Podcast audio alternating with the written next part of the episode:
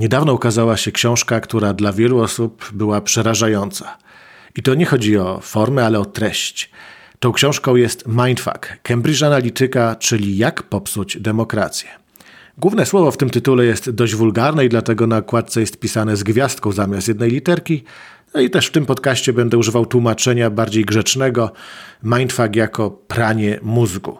I wiem, że to nie wprost i że może ten wulgarny oryginał bardziej tu pasuje, ale mimo to skupmy się w tym odcinku, jak firmy typu Cambridge Analytica skutecznie robią nam pranie mózgu. Zapraszam na wiedzę nieoczywistą o pieniądzach.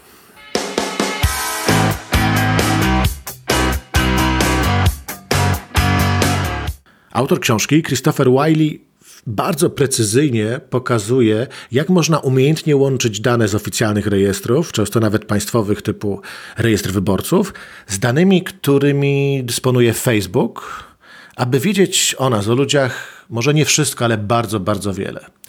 I gdyby jeszcze ta wiedza miała służyć tylko temu, żeby odpowiednio kierować do nas reklamy, żebyśmy kupili tego, a nie innego smartfona, ten, a nie inny proszek do prania, to pewnie nie byłoby w tym nic przerażającego. Problem w tym, że najpotężniejsze zastosowanie tej machinerii pozwala zmieniać wynik wyborów. Stąd podtytuł książki Jak zepsuć demokrację. Co więcej, nie trzeba robić prania mózgu większości głosujących. Wystarczy zidentyfikować kluczową grupę takich zaangażowanych, skrajnych obywateli, którzy odpowiednio jeszcze podkręceni przy pomocy informacji, które im będziemy serwować, mogą przechylić szale zwycięstwa na konkretną stronę. Jeżeli przyjrzymy się wielu wyborom, tym istotnym nie tylko w Polsce, ale na świecie, które śledziliśmy, to tam często różnica była bardzo niewielka. Stąd identyfikacja tych kluczowych grup radykalnych pozwala przechylić szale zwycięstwa na swoją stronę. Oczywiście ważna uwaga, bo w ustach autora tej książki określenia typu skrajna prawica, altprawica, radykałowie, to w zasadzie wszyscy, z którymi on się nie zgadza. Myślę, że on odreagowuje to, że jego praca tak naprawdę przysłużyła się ludziom, których on się boi, z którymi nie chciałby mieć nic wspólnego, brexitowcom czy Donaldowi Trumpowi. Więc tutaj musimy mieć świadomość, że wszystko to, co Christopher Wiley nazywa niebezpiecznym, radykalnym i tak dalej, to jest inne niż on sam wyznaje. Początkowo te rozwiązania do manipulowania y, ludźmi w kontekście wyborów testowano w małych państewkach. Niektórzy wręcz twierdzą, że to była jakaś nowa forma kolonializmu. Ale okazało się i to bardzo szybko, że także w tak zwanych poważnych krajach można takie manipulacje robić w zasadzie równie łatwo dane, do których ma dostęp Cambridge Analytica, to nie są tylko rzeczy, które my wprost wrzucamy do internetu. Oni bazują na bardzo wielu analizach naszych zachowań. Co polubimy, na czym się dłużej zatrzymamy na Facebooku, jakich mamy znajomych, do jakich grup należymy. To nie tylko wprost, że wpiszę moja data urodzenia jest taka i taka, interesuje się tym i tym. Oczywiście to też jest dla nich ważne, ale dopiero łączenie tych różnych źródeł wiedzy pozwala osiągnąć takie, taką siłę oddziaływania, która jest naprawdę, naprawdę przerażająca.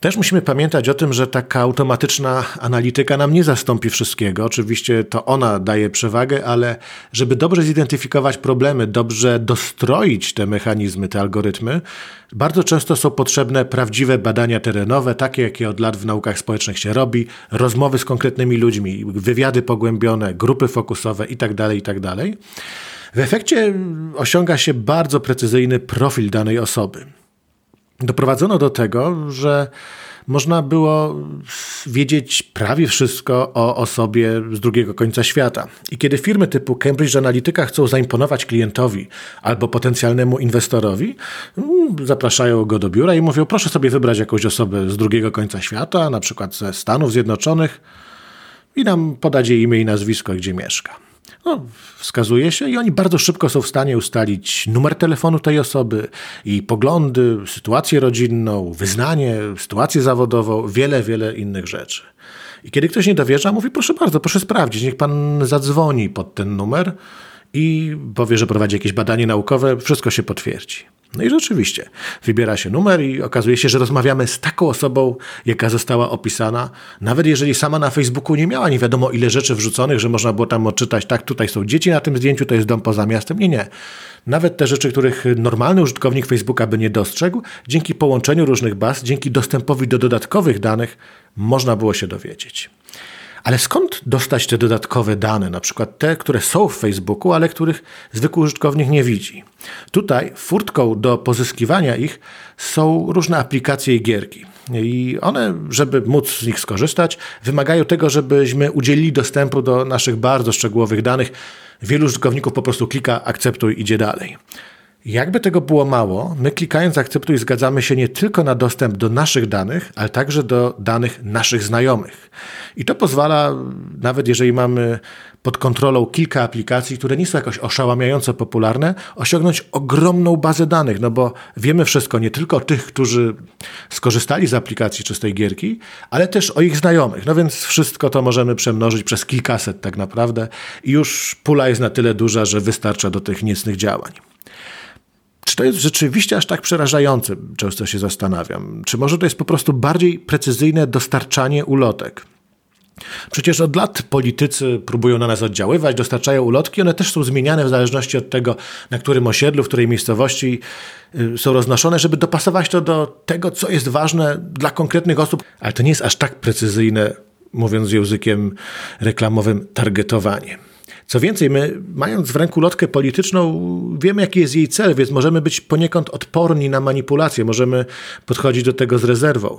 A to, co robi się z nami za pośrednictwem Facebooka, jest dużo bardziej niebezpieczne, bo informacje, którymi jesteśmy karmieni, są pod przykrywką takiej normalnej interakcji społecznej, spotkania innych ludzi, a nie konkretnego oddziaływania na nas, żebyśmy podjęli określoną decyzję w wyborach, y, czy zaczęli prezentować określone poglądy.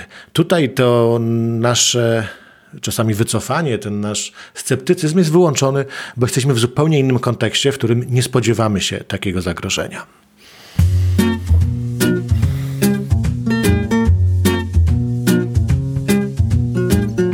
Tutaj bazuje się na bardzo dobrze znanym w psychologii pięcioczynnikowym modelu osobowości, który obejmuje pięć cech: neurotyczność, ekstrawersję, otwartość na doświadczenia, ugodowość i sumienność. Kilka słów o każdym z tych wymiarów. Neurotyczność, która jest przeciwieństwem stałości emocjonalnej, yy, określa poziom emocjonalnego właśnie niezrównoważenia, skłonności do przeżywania negatywnych emocji, strachu, zamieszania, gniewu, poczucia winy, yy, czy w ogóle takiej podatności na stres psychologiczny. Drugą cechą jest ekstrawersja, jej przeciwieństwo to introwersja, czyli to po prostu jakość i ilość interakcji społecznych, gdzie mamy dużo energii, gdzie dostarczamy sobie pozytywnych emocji. Trzeci wymiar to otwartość na doświadczenia, czyli tendencja do tego, żeby szukać nowych doświadczeń, tolerować nowości, mieć wysoką ciekawość poznawczą. Czwarta rzecz to ugodowość i jej przeciwieństwo antagonizm. Ono opisuje yy, takie nastawienie ludzi, którzy unikają konfliktu, albo wręcz przeciwnie, w przypadku antagonizmu wysokiego, yy, podsycają, szukają tego konfliktu i tam się najlepiej odnajdują. No i na koniec sumienność, którego, której zaprzeczeniem jest nieukierunkowanie. Ona oddaje stopień naszego zorganizowania, wytrwałości w dążeniu do stawianych sobie celów. I to są niesamowicie ważne informacje. Pewnie już y, patrząc na to, łatwo zidentyfikować te, które pasują do radykałów, ale to, co najważniejsze, psychologii jesteśmy pewni, te cechy istnieją naprawdę. Co więcej, one są niezmienne, y, w zasadzie uniwersalne, niezależne od rasy, płci czy kultury, i w zasadzie przyjmuje się, że one są po prostu biologicznie uwarunkowane. Czyli jeżeli już raz poznamy takiego człowieka, to możemy być spokojni, że te jego cechy są niezmienne i kiedy po dłuższym czasie ponownie będziemy chcieli go wziąć w naszą manipulację, to możemy zastosować podobne metody, bo jego typ, jego y, charakterystyka pozostanie niezmienna. I właśnie identyfikuje się ludzi, na których tutaj będzie łatwo oddziaływać, bo Christopher Wiley wprost pisze, że samo osłabienie morale to jest niewystarczające w manipulacji. Ostatecznym i najważniejszym celem jest wyzwolenie w obiekcie manipulacji negatywnych emocji oraz procesów myślowych związanych z impulsywnym, nieobliczalnym czy wręcz kompulsywnym zachowaniem. I autor mówi tak, trzeba postawić sprawę jasno. Tego typu operacje to są formy ataku psychologicznego.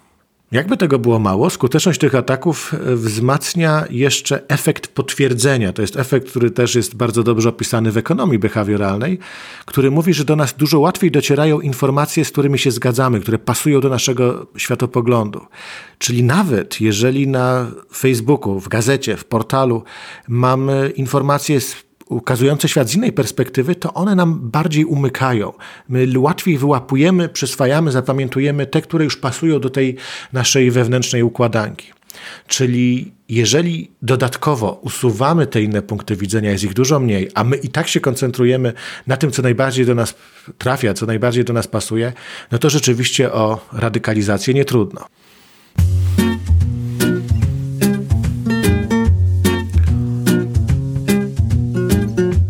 Co ważne, to nie jest tak, że książka Christophera jest jedynym źródłem informacji na temat tego typu zabiegów. One są dobrze udokumentowane naukowo.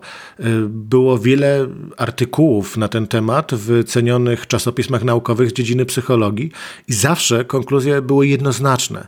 Te wzorce aktywności użytkownika w mediach społecznościowych w postaci polubień, kliknięć, aktualizacji statusu, tego do jakich grup przynależy, jakich użytkowników obserwuje, to na podstawie tego da się stworzyć bardzo precyzyjny e, profil osobowościowy danego użytkownika. Co więcej, Facebook wspierał przez długie lata wiele z tych badań i zapewniał prowadzącym je naukowcom uprzywilejowany dostęp do prywatnych danych użytkowników serwisu i nawet przerodziło się to we wniosek patentowy złożony przez Facebooka w 2012 roku w amerykańskim urzędzie patentowym na, cytuję, określanie cech osobowościowych użytkownika na podstawie komunikacji i aktywności w serwisie społecznościowym.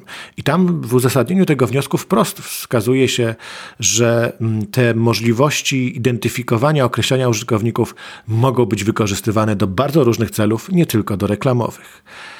Zresztą to jest wiedza, która też została przebadana. Jeżeli chcemy poznać, jakie ktoś ma poglądy, zobaczmy na jego konto na Twitterze i zobaczmy, kogo obserwuje. I tak naprawdę wypadkowa tych obserwowanych osób o wiele więcej nam powie o tych poglądach, o tej interesującej nas osoby, niż gdybyśmy nawet dali jej długi, wielostronnicowy formularz do wypełnienia. W formularzu ona by coś mogła powiedzieć nie wprost, mogłaby coś próbować ukryć, postawić się w innym świetle. Natomiast patrząc na to, kogo obserwuje na Facebooku czy na Twitterze, wiemy o wiele więcej o jej poglądach, niż pewnie sama byłaby nam gotowa przyznać.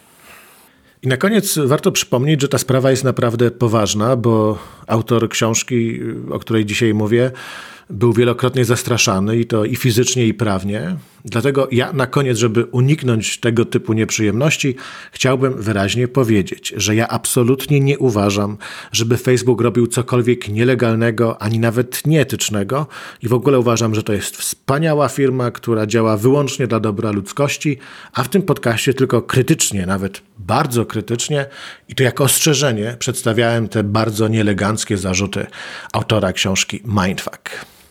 Jeśli to oświadczenie przyniesie skutek i będziemy mogli się usłyszeć, nie będę odizolowany, no to zapraszam serdecznie na kolejny odcinek podcastu Wiedza nieoczywista o pieniądzach. Bartłomiej Biga. Do usłyszenia.